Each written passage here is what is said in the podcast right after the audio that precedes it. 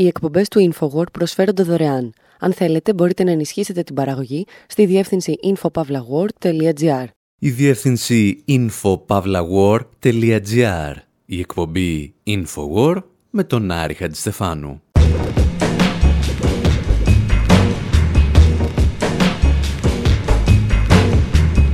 Όπου σήμερα συζητάμε για την τεχνητή νοημοσύνη προσπαθώντας να αποδείξουμε ότι δεν είναι ούτε τεχνητή ούτε τόσο νοήμων. Παρακολουθούμε μία υπάλληλο της Microsoft που επισκέφθηκε μία νεκρή πόλη στην έρημο της Νεβάδα στις Ηνωμένες Πολιτείες, αλλά και κάτι ορυχεία όπου εργάζονται παιδιά σκλάβοι σε χώρες του τρίτου κόσμου. Συνειδητοποιούμε μαζί της ότι για να πετύχει η τεχνητή νοημοσύνη κάποιοι χρειάζεται να βουτήξουν τα ρούχα τους στον υδρότα και το αίμα. Παίζουμε σκάκι με τον Άλαν Τούρινγκ και χάνουμε την παρτίδα, αλλά όχι και τη μάχη. Και επειδή ο τρόπος που αντιμετωπίζουν κάποιοι την τεχνητή νοημοσύνη παραπέμπει ο λίγων και στους τεχνοκράτες, θυμόμαστε κάτι και από τη δική τους ιστορία.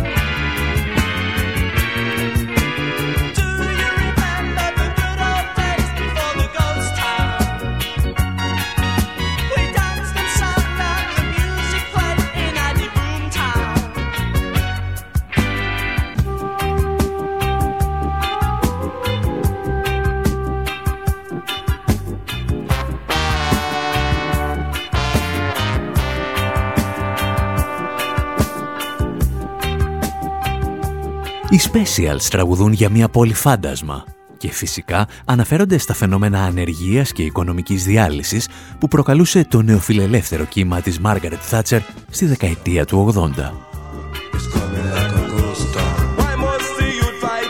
Αυτή η σύνδεση όμως του νεοφιλελευθερισμού με μια πόλη φάντασμα ταιριάζει και στη δική μας ιστορία. Με τη διαφορά ότι η δική μας πόλη δεν βρίσκεται στην Αγγλία, αλλά στην έρημο της Νεβάδας, στις Ηνωμένες Πολιτείες. Σε αυτή την περιοχή βρέθηκε πριν από μερικά χρόνια η καθηγήτρια Kate Crawford, που τυχαίνει να είναι και μία από τις σημαντικότερες ερευνήτριες της Microsoft σε θέματα θεωρίας υπολογιστών. Και αν τη ρωτούσατε τι έκανε στις πόλεις φαντάσματα της Νεβάδας, θα σας απαντούσε ότι έγραφε ένα βιβλίο για την τεχνητή νοημοσύνη. I decided to sort of to turn away from the sort of Silicon Valley narrative and, and literally to drive into the desert. So, you know, I begin the book by going to the... Αποφάσισα να απομακρυνθώ από το αφήγημα της Silicon Valley και κυριολεκτικά να οδηγήσω μέχρι την έρημο. Ξεκινάω το βιβλίο με μια επίσκεψη στο τελευταίο ορχείο λιθίου, το οποίο βρίσκεται στην Εβάδα σε μια περιοχή που ονομάζεται Silver Peak. Σε αυτή την περιοχή έβγαζαν χρυσάφι και ασίμι το 19ο αιώνα και τις αρχές του 20ου. Η περιοχή μετατράπηκε σε μια πόλη φάντασμα, μέχρι τη στιγμή που μερικές δεκαετίες αργότερα εντοπίστηκαν τεράστια κοιτάσματα λιθίου.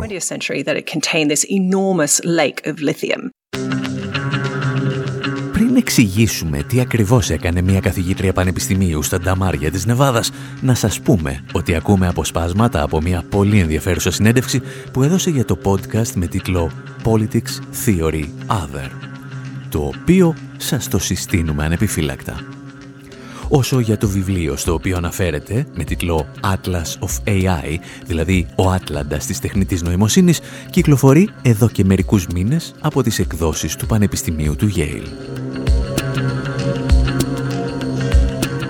Η Kate Crawford λοιπόν πήρε σβάρνα τα ορυχεία και δεν έμεινε στα ορυχεία λιθίου, το υλικό με το οποίο φτιάχνονται οι μπαταρίες των συσκευών μας αλλά και των νέων ηλεκτρικών αυτοκινήτων επισκέφθηκε ορυχεία σε όλο τον κόσμο, όπου εργάτες, συχνά σε συνθήκες σκλαβιάς, εξορίσουν πολύτιμες γέες που χρησιμοποιούνται στα κινητά μας τηλέφωνα και σε πολλές ακόμη συσκευές. Αυτό που ήθελε να επιβεβαιώσει και να αποδείξει είναι ότι η τεχνητή νοημοσύνη δεν είναι μια αφηρημένη έννοια που ζει σε κάποιο cloud, δηλαδή στη σύγχρονη νεφελοκοκυγία των ηλεκτρονικών υπολογιστών. Η τεχνητή νοημοσύνη είναι βαθιά ριζωμένη στο χώμα αυτού του πλανήτη και για να λειτουργήσει χρειάζεται να εργαστούν εκατομμύρια άνθρωποι σε συνθήκες που παραπέμπουν στα χρόνια της απεικιοκρατίας ή στα πρώτα χρόνια της βιομηχανικής επανάστασης. Uh, and so I think in that sense of describing AI as fundamentally abstract, distances it from the energy, the labor and the capital needed to produce it and the many different types of mining that enable it. Η περιγραφή της τεχνητής νοημοσύνης ως αφαιρετικής και άειλης την απομακρύνει από την ενέργεια, την εργασία και το κεφάλαιο που απαιτούνται για την παραγωγή της. Στην πραγματικότητα η τεχνητή νοημοσύνη γεννιέται σε λίμνες στη Βολιβία και ορυχεία στην Ινδονησία και την Κίνα. Κατασκευάζεται από τη συλλογή δεδομένων που πραγματοποιούν εργαζόμενοι και χρησιμοποιείται για να κατευθύνει drones πάνω από την Εμένη και να συντονίζει την αστυνομία μετανάστευσης στις ΗΠΑ. Υπό αυτή την έννοια μπορούμε να φανταστούμε την τεχνητή νοημοσύνη σαν την εξορρυκτική βιομηχανία του 20ου αιώνα. Αν όμως ξεκινήσουμε από την υλική βάση και εξετάσουμε την πολιτική οικονομία της, μπορούμε πλέον να διακρίνουμε την ανισότητα που κρύβεται από πίσω.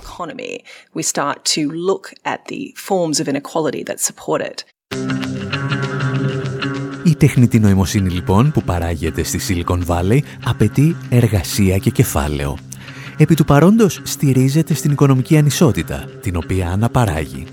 Όπως εξηγεί μάλιστα η Αυστραλιανή καθηγήτρια, η ίδια η Silicon Valley είναι η μετεξέλιξη των ορυχείων του 18ου και του 19ου αιώνα. Seeing the ghost towns, you know, from the last round of mining really sort of for me brought Βλέποντας τις πόλεις φαντάσματα από το προηγούμενο κύμα εξορίξεων, κατάλαβα ότι η Silicon Valley επαναλαμβάνει την ιστορία της. Επαναλαμβάνει όσα συνέβησαν στα χρόνια των Χρυσοθύρων, οι οποίοι έκτισαν την πόλη που σήμερα γνωρίζουμε ως Silicon Valley. Ο ιστορικός Gray Breaking χρησιμοποιεί μια υπέροχη μεταφορά. Λέει ότι ανελκυστήρες που χρησιμοποιούσαν για να κατεβάζουν τους εργάτες στις στοέ των ορυχείων άλλαξαν κατεύθυνση και τώρα αποτελούν τα σανσέρ που ανεβάζουν του ανθρώπους σε ανοξίστες της Silicon Valley to create the elevators that would draw people up. Έχοντας αποδείξει ότι δεν υπάρχει τίποτα αφαιρετικό και άειλο στην τεχνολογία της τεχνητής νοημοσύνης, η Kate Crawford είχε μόλις ξεκινήσει τον πόλεμο με τους μύθους της Silicon Valley. Επόμενος στόχος της θα ήταν ο πατέρας της θεωρίας των υπολογιστών, ο Alan Turing. Και εμάς όλες μας οι ιστορίες δένουν γλυκά με το συγκρότημα Skyscrapers, δηλαδή οι ουρανοξύστες, να τραγουδά για τον Τούρινγκ.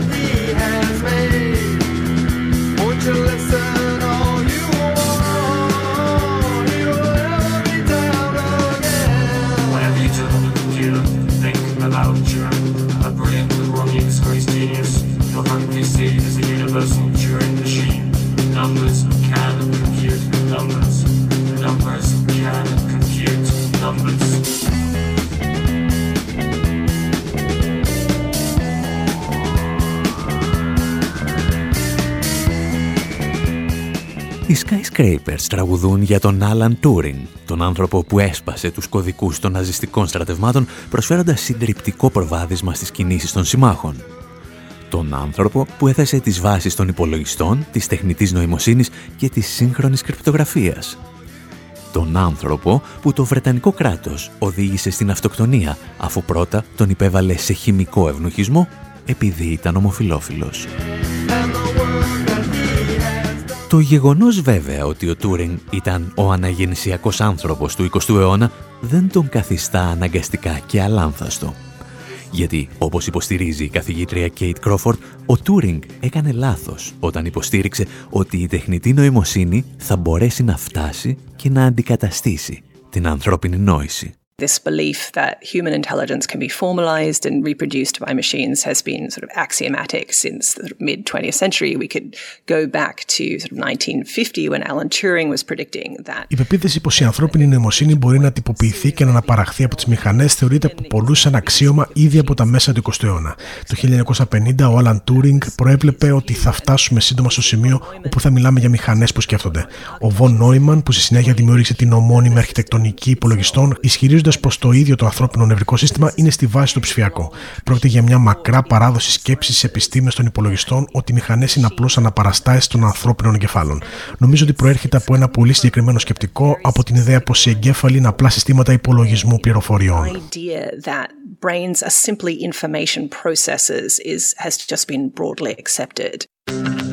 Η Κρόφορντ διαφωνεί κάθετα με αυτή την κυρίαρχη αντίληψη και στο βιβλίο της αρχίζεις να την αποδομεί λιθαράκι-λιθαράκι. Μας έμαθαν, λέει, να πιστεύουμε ότι επειδή ένας υπολογιστής μπορεί να μας κερδίσει στο σκάκι, είναι πιο έξυπνος από εμάς. Αυτά όμως, σύμφωνα με την Αυστραλιανή καθηγήτρια, είναι σκέψεις των boomers. Δεν το είπε ακριβώς έτσι, το είπε ως εξής. AI is seen as some type of you know, brain in a vat where we can simply use it to sort of make particular types of predictions. And, and this is something that, you know, I find. Φανταζόμαστε την τεχνητή νοημοσύνη σαν ένα είδος εγκεφάλου που μπορεί να χρησιμοποιηθεί για να κάνουμε συγκεκριμένου είδου προβλέψεις. Γι' αυτό συχνά τη συνδέουμε παιχνίδια στρατηγικής. Είναι κάτι που μπορεί να παίξει σκάκι με τρόπους υπεράνθρωπους ή αν προτιμάτε εξωγήινους. Ο λόγος που δοκιμάζουν την τεχνητή νοημοσύνη σε αυτά τα παιχνίδια είναι γιατί αποτελούν ένα κλειστό κόσμο με καθορισμένες παραμέτρους και ξεκάθαρους νικητές και ετοιμένου. Με αυτόν τον τρόπο σκέφτονταν για την τεχνητή νοημοσύνη όσοι ασχολήθηκαν μαζί της από το Δεύτερο Παγκόσμιο Πόλεμο. Αυτά τα συστήματα τεχνητής νοημοσύνης φαντάζουν μαγικά. Στην πραγματικότητα είναι βαθιά δετερμινιστικά. Απλώς εντοπίζουν ορισμένα επαναλαμβανόμενα μοτίβα τα οποία χρησιμοποιούν για να λαμβάνουν αποφάσεις που αφορούν την πραγματική ζωή. Για παράδειγμα, ποιος υπάλληλος θα κληθεί σε μια συνέντευξη εργασίας ή ποιος πρέπει να αποφυλακιστεί με εγγύηση.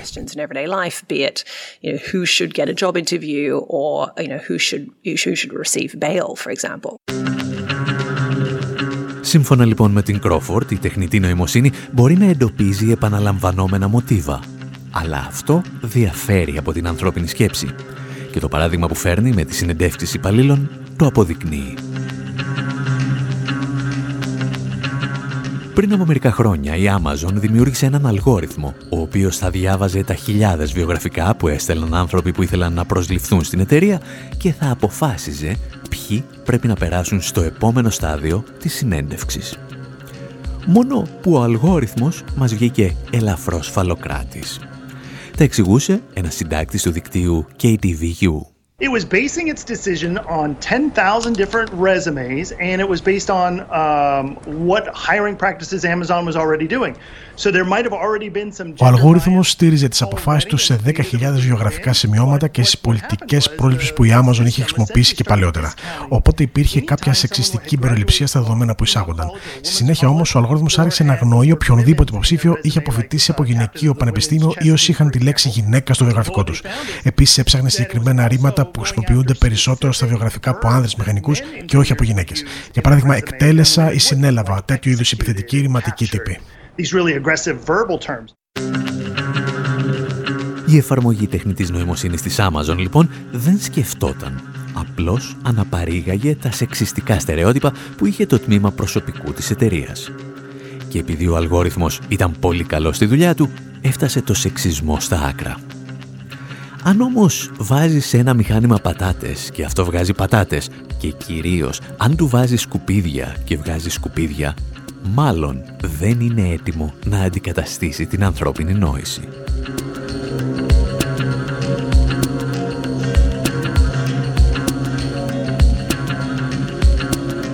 Η Crawford βέβαια, την οποία ακούμε σε αυτή την εκπομπή, δεν θέλει σε καμία περίπτωση να μειώσει τη σημασία της τεχνητής νοημοσύνης. Εξηγεί όμως ότι δεν μπορεί να αντικαταστήσει την ανθρώπινη σκέψη, η οποία δεν είναι απλώς ένα σύνολο μαθηματικών πράξεων. Είναι μια διαδικασία που έχει ασυνείδητα και υποσυνείδητα στοιχεία και κυρίως καθορίζεται από κοινωνικές σχέσεις. I think the people who are in this industry very genuinely believe that they are doing good in the world. I mean, that is a very strong Νομίζω ότι οι άνθρωποι σε αυτή τη βιομηχανία ειλικρινά πιστεύουν πως κάνουν καλό στον κόσμο. Και σίγουρα μέσω της μηχανικής μάθησης μπορούν να γίνουν εντυπωσιακές, μεγάλης κλίμακας προβλέψεις και συσχετήσεις σε τεράστια σύνολα δεδομένων. Τα αποτελέσματα μπορεί να είναι εξαιρετικά, αρκεί να κοιτάξει κανείς τη δουλειά γύρω από την κλιματική αλλαγή. Και μόνο η ιδέα να σκεφτούμε τον πλανήτη μας ως κάτι που μπορούμε να κατανοήσουμε σε βάθος χρόνου είναι κάτι που βγαίνει από αυτές τις τεχνικές. It's when we start to see these ideas applied in particular to forms of... Τα προβλήματα εμφανίζονται όταν βλέπουμε αυτές τις ιδέες να εφαρμόζονται σε μορφές κοινωνικών θεσμών, στις ανθρώπινες αλληλεπιδράσεις, στην κατανόηση του εαυτού μας και των άλλων. Where you really start to see the problems emerge. Αν σας θυμίζει κάτι ο τρόπος που σκέφτεται ή μάλλον που δεν σκέφτεται η τεχνητή νοημοσύνη, είναι πιθανότατα οι αποφάσεις των τεχνοκρατών καλυμμένες με ένα πέπλο υποτιθέμενης αντικειμενικότητας, απλώς αναπαράγουν για αυτές την κυρίαρχη σκέψη. Αυτά όμως θα τα συζητήσουμε στο δεύτερο μέρος της εκπομπής. Εσείς αρκεί να θυμάστε ότι περισσότερα για την τεχνητή νοημοσύνη και πολλά σχετικά θέματα θα βρείτε στη σελίδα μας info.pavlawar.gr don't know what you've been told. But I don't get out much these days. Waking young and feeling old, the days are no longer my own to piss away the waking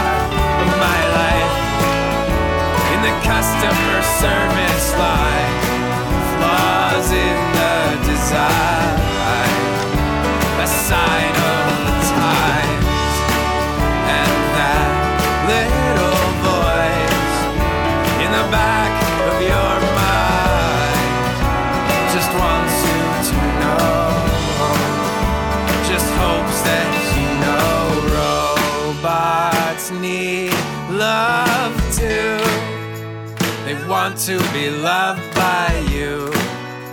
They want to be loved by you. They want to be loved by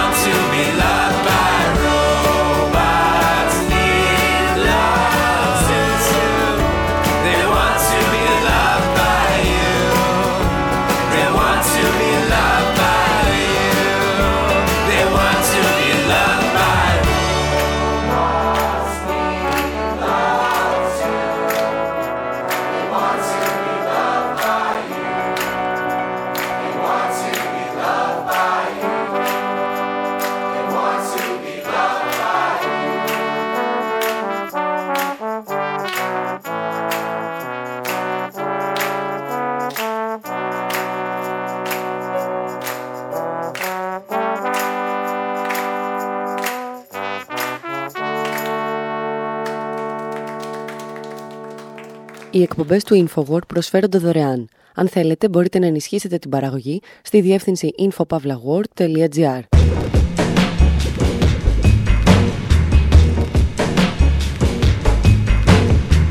Εκπομπή InfoWord, μέρος δεύτερο. όπου αφού είδαμε την τεχνητή νοημοσύνη να λειτουργεί σαν τεχνοκράτης, δηλαδή να σκέφτεται γρήγορα αναπαράγοντας τις κυρίαρχες αφηγήσεις και ιδεολογίες, λέμε να ρίξουμε μια ματιά και στους ίδιους τους τεχνοκράτες. Συζητάμε για δικτάτορες που έγιναν τεχνοκράτες και τεχνοκράτες που έγιναν δικτάτορες. Τραγουδάμε για τον Σεν Σιμών αλλά και τον Μπρέσνιεφ και ταξιδεύουμε από τον ουτοπικό σοσιαλισμό μέχρι τον ληστρικό καπιταλισμό. Μεταξύ άλλων, ακούμε και αποσπάσματα από μια παλαιότερη συνέντευξη που μας είχε παραχωρήσει για το θέμα ο Σλαβόη Ζίζεκ, από την εποχή που μπορούσε ακόμη να ξεχωρίσει τους Γιακοβίνους από τη μετριοπαθή σοσιαλδημοκρατία. After all, these implements and text designed by intellects so vexed to find evidently there's still so much that hides. And though the saints of us divine in ancient feeding lines, the sentiment is just as hard to pluck from the vine. I'll try hard not to pretend. Allow myself no defense. Step into the night. Since I don't have the time nor mind to figure out the nursery rhymes that help.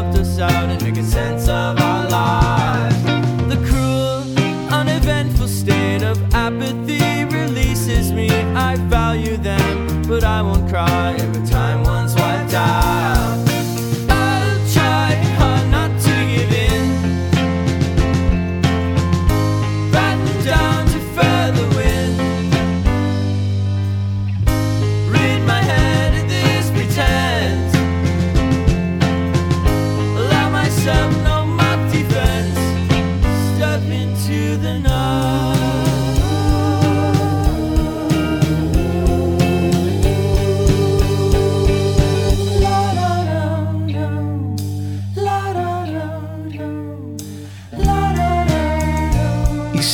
τους οποίους ακούτε εδώ και τόση ώρα, είναι ένα συμπαθές συγκροτηματάκι από την Αλμπουκέρκη του Νιου Μέξικο στις Ηνωμένες Πολιτείες.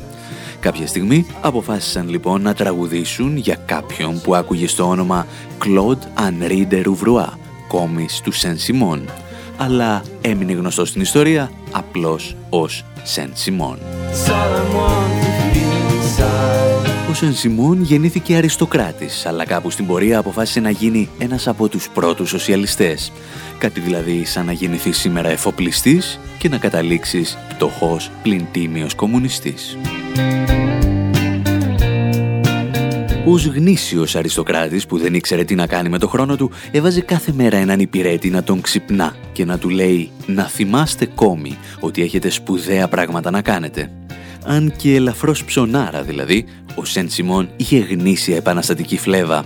Αγκάλιασε τις ιδέες της Γαλλικής Επανάστασης και πολέμησε στην Αμερικανική Επανάσταση. Ο ίδιος πίστευε στο δημόσιο έλεγχο της οικονομίας, αλλά κάπου εκεί το έχασε.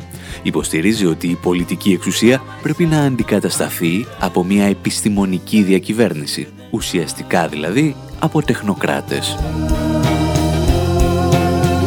Παρόμοιες ιδέες θα εκφράσει κατά τη διάρκεια της Ρωσικής Επανάστασης και ο Αλεξάνδερ Μπογδάνοφ. Ο Μπογδάνοφ πίστευε ότι οι εργάτες δεν έχουν ούτε τη γνώση ούτε τη θέληση να πάρουν την κοινωνία στα χέρια τους και πως γι' αυτό θα χρειαζόταν μια διακυβέρνηση τεχνοκρατών. Για την ιστορία, ο Μπογδάνοφ πέθανε κάνοντας πειράματα με μεταγγίσεις αίματος, που όπως έλεγε τον έκαναν νεότερο και περιόριζαν και την καράφλα του. Τελικά η Σοβιετική Ένωση παρά τις περί του αντιθέτου διαβεβαιώσεις της δημιούργησε πολλές φορές μηχανισμούς τεχνοκρατών. Αποκορύφωμα υπήρξε σύμφωνα με ορισμένους το Politburo επί ηγεσίας του Λέονιτ Μπρέσνιεφ το οποίο αποτελούνταν κατά 89% από μηχανικούς. Τον Μπρέσνιεφ, τον οποίο κορόιδευε στα τραγούδια της, η Τζοαν Μπαέζ. Happy birthday, Leonid Brezhnev. What a lovely 75th. I watched the party on TV. You seem to be taking things casually. What a mighty heart must beat in your breast to hold 49 medals on your chest. Think of all of the gifts that you've got. Some were acquired and some were not. Like a natural talent for marionettes. Παρόμοια κινήματα τεχνοκρατών αναπτύχθηκαν και στις Ηνωμένες Πολιτείες κατά τη διάρκεια της μεγάλης ύφεσης της δεκαετίας του 30. Αρκετοί μάλιστα είχαν αρχίσει να μιλούν με όρους θερμοδυναμικής, αναζητώντας το ενεργειακό ισοζύγιο στην αγορά εργασίας που θα έλυνε, όπως έλεγαν, το πρόβλημα της ανεργίας και της ανάπτυξης. Οι ιδέες αυτές όμως έπεσαν σαν πύργος από τραπουλόχαρτα όταν ο Ρούσβελτ επιχείρησε να δώσει λύση στην κρίση με την κρατική παρέμβαση και το New Deal. Σήμερα το κίνημα των τεχνοκρατών φαίνεται να επιστρέφει και πίσω του δεν βρίσκονται πλέον ιδεαλιστές που απλώς έχασαν το δρόμο τους, αλλά τραπεζίτες που θέλουν να ελέγξουν ολόκληρα κράτη πράγματα που θα συζητήσουμε ύστερα από ένα μικρό διάλειμμα, φέρνοντας την παρέα μας και τον Σλοβαίνο φιλόσοφο Σλαβόη Ζίζεκ.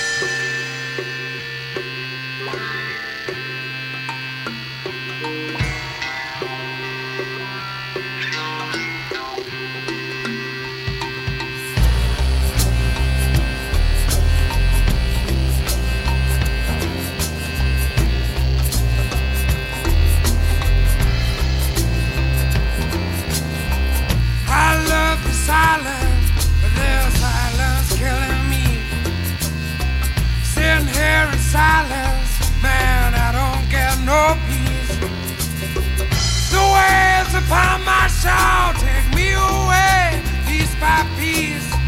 Gonna leave everything I know, gonna head out towards the sea. Jump off this island, gonna head out towards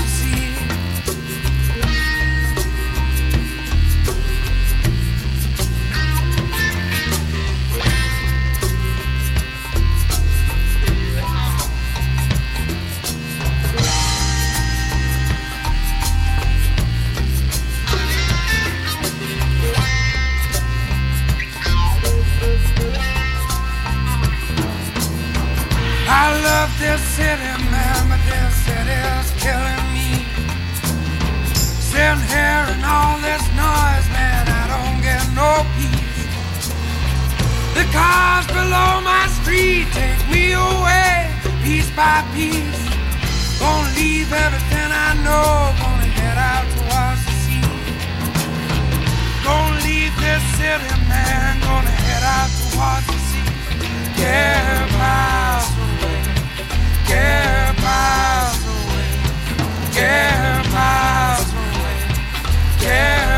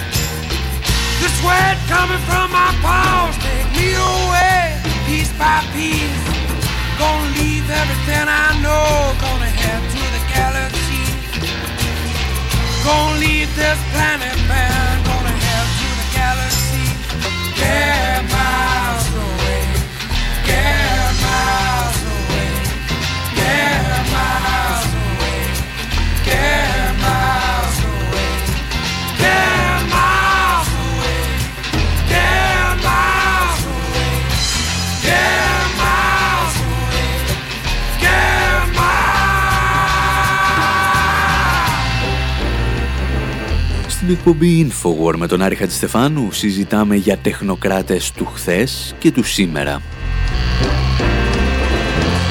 Και αν οι οπαδοί των τεχνοκρατών πριν από το Δεύτερο Παγκόσμιο Πόλεμο για τους οποίους μιλήσαμε στην αρχή ήταν παιδιά με αρχές που απλώς πήραν τον κακό τον δρόμο, σήμερα δεν υπάρχουν αυταπάτες. Τα εξηγούσε πριν από μερικές ημέρες ο Τζέρεμι Έπσταϊν, καθηγητής οικονομικών στη Μασαχουσέτη, μιλώντας στο ανεξάρτητο δίκτυο Real News. Yeah, we have this trend now where instead of democratically elected governments controlling Υπάρχει μια τάση, αντί να ελέγχονται οι χώρες από δημοκρατικά εκλεγμένες κυβερνήσεις, να έρχονται οι λεγόμενοι τεχνοκράτες, συνήθως κεντρικοί τραπεζίτες, και να γίνονται πρωθυπουργοί σε χώρες όπως η Ιταλία και η Ελλάδα. Υποτίθεται ότι θα είναι ουδέτεροι διαχειριστές της οικονομικής πολιτικής. Στην πραγματικότητα όμως εξυπηρετούν τα συμφέροντα των μεγάλων τραπεζών και δεν ασχολούνται απλώς με την νομισματική πολιτική ή την αποπληρωμή του χρέους, αλλά σε πολλές χώρες εισέρχονται στον πυρήνα της κοινωνικής και οικονομικής πολιτικής. Deep core of social and economic policy in many of these countries. Ο Καναδός δημοσιογράφος και σκηνοθέτης Paul Jay προσέθεσε τις δικές του παρατηρήσεις στη σκέψη του Jeremy Epstein. Αυτό που συμβαίνει, είπε, είναι ο εφιάλτης του Orwell, ντυμένος τραπεζίτης. I love this uh, this term technocrat because it, it gives the sense that Λατρεύω τον όρο τεχνοκράτης γιατί σου δίνει την αίσθηση ότι υπάρχει ένα αντικειμενικό πρόβλημα το οποίο μπορεί να λυθεί με μια σειρά αντικειμενικών μέτρων. Ότι δηλαδή η κοινωνία χρειάζεται ένα συγκεκριμένο φάρμακο, αλλά επειδή οι πολιτικοί υποκύπτουν στη θέληση του λαού, πρέπει να φέρεις τεχνοκράτες να κάνουν τη δουλειά. Και όλο αυτό το παρουσιάζουν σαν να είναι ανεξάρτητο από τα συμφέροντα του χρηματοπιστωτικού τομέα. Πρόκειται για τον απόλυτο ορουελισμό. And has nothing to do with the financial sector. It's pure Orwell. This is what you get when you mess with love.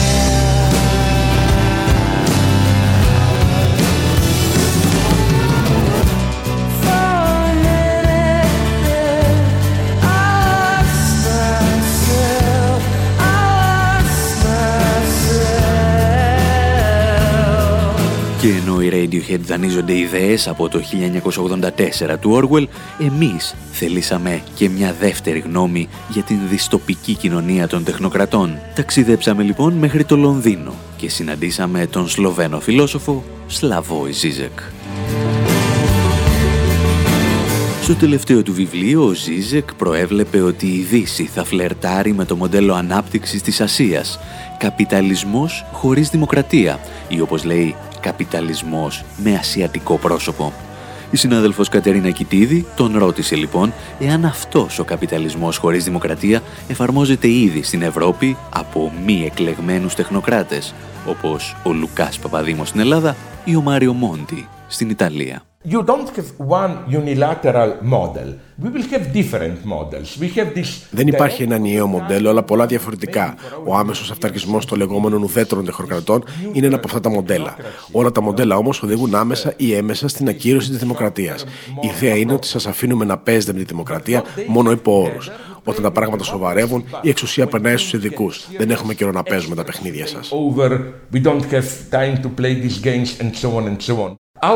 Over. We don't have time to play these games and so on and so on. Our new capitalism, post-democratic, let's call it. I'm not saying it will be Στον δικό μας καπιταλισμό, ας τον ονομάσουμε μεταδημοκρατικό, ο αυταρχισμός, τουλάχιστον στην επιφάνεια, δεν θα είναι τόσο αυταρχικός όσο στη Σιγκαπούρη ή την Κίνα. Θα έρχεται σε διαφορετικές γεύσεις. Αυτό συμβαίνει λόγω χάρη στη Ρωσία, όπου έχουμε μια νέα αυταρχική μορφή. exactly the same. We have new authoritarian form.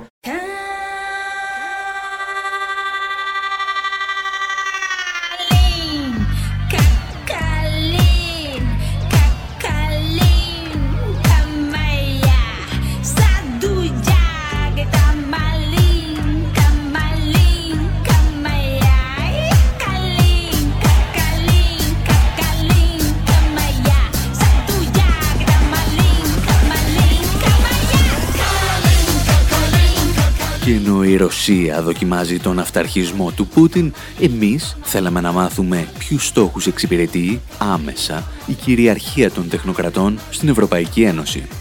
Ευτυχώς, απάντηση σε σχετικές ερωτήσεις έδινε πρόσφατα ο καθηγητής οικονομικών Τζέρεμι Έπσταϊν. Another important goal of, of these kinds of ένας άλλος σημαντικός στόχος των λεγόμενων τεχνοκρατικών πολιτικών είναι να συνθλίψουν την εργατική νομοθεσία. Στην Ιταλία, λόγω χάρη, υπάρχει προστασία των εργαζομένων για προσλήψεις και απολύσεις.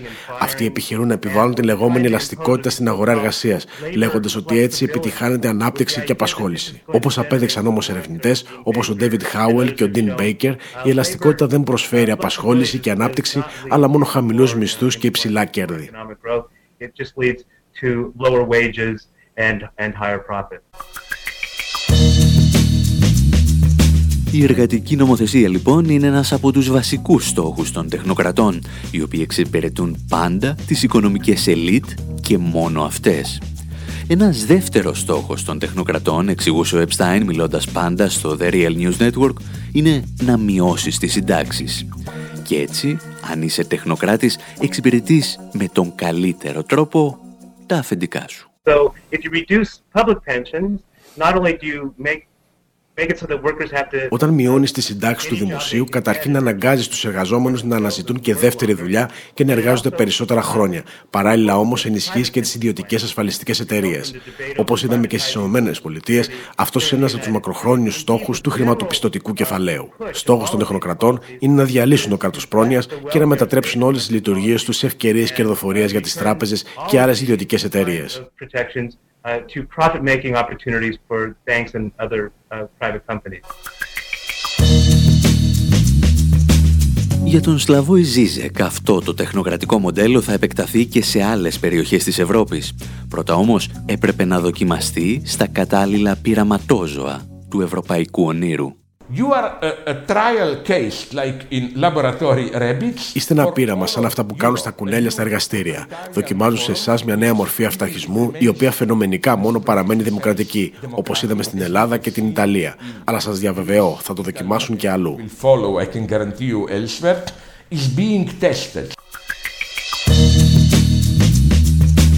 Οι τεχνοκράτες λοιπόν είναι μία από τις πιο επιτυχημένες μορφές σε αυτό που ο Ζίζεκ αποκαλεί καπιταλισμό με ασιατικό πρόσωπο ή καπιταλισμό χωρίς δημοκρατία.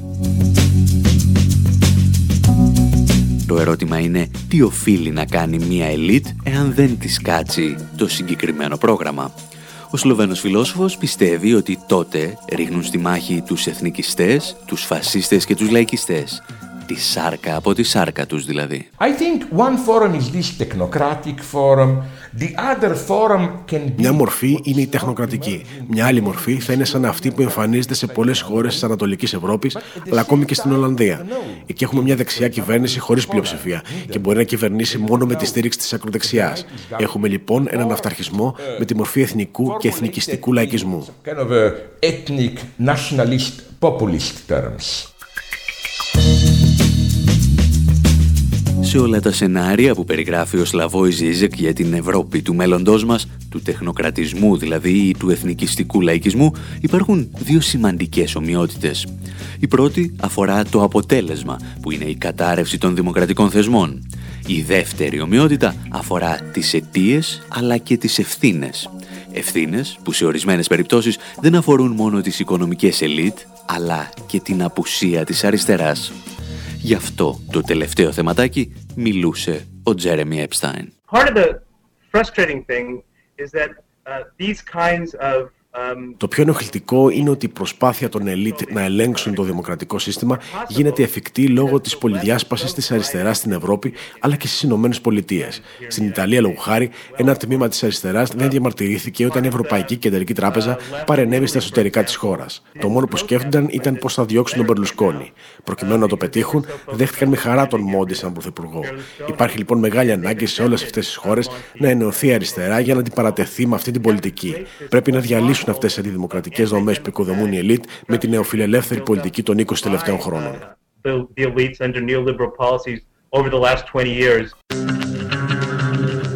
Εμείς πάλι κάπου εδώ λέμε να σας αφήσουμε και για αυτή την εβδομάδα.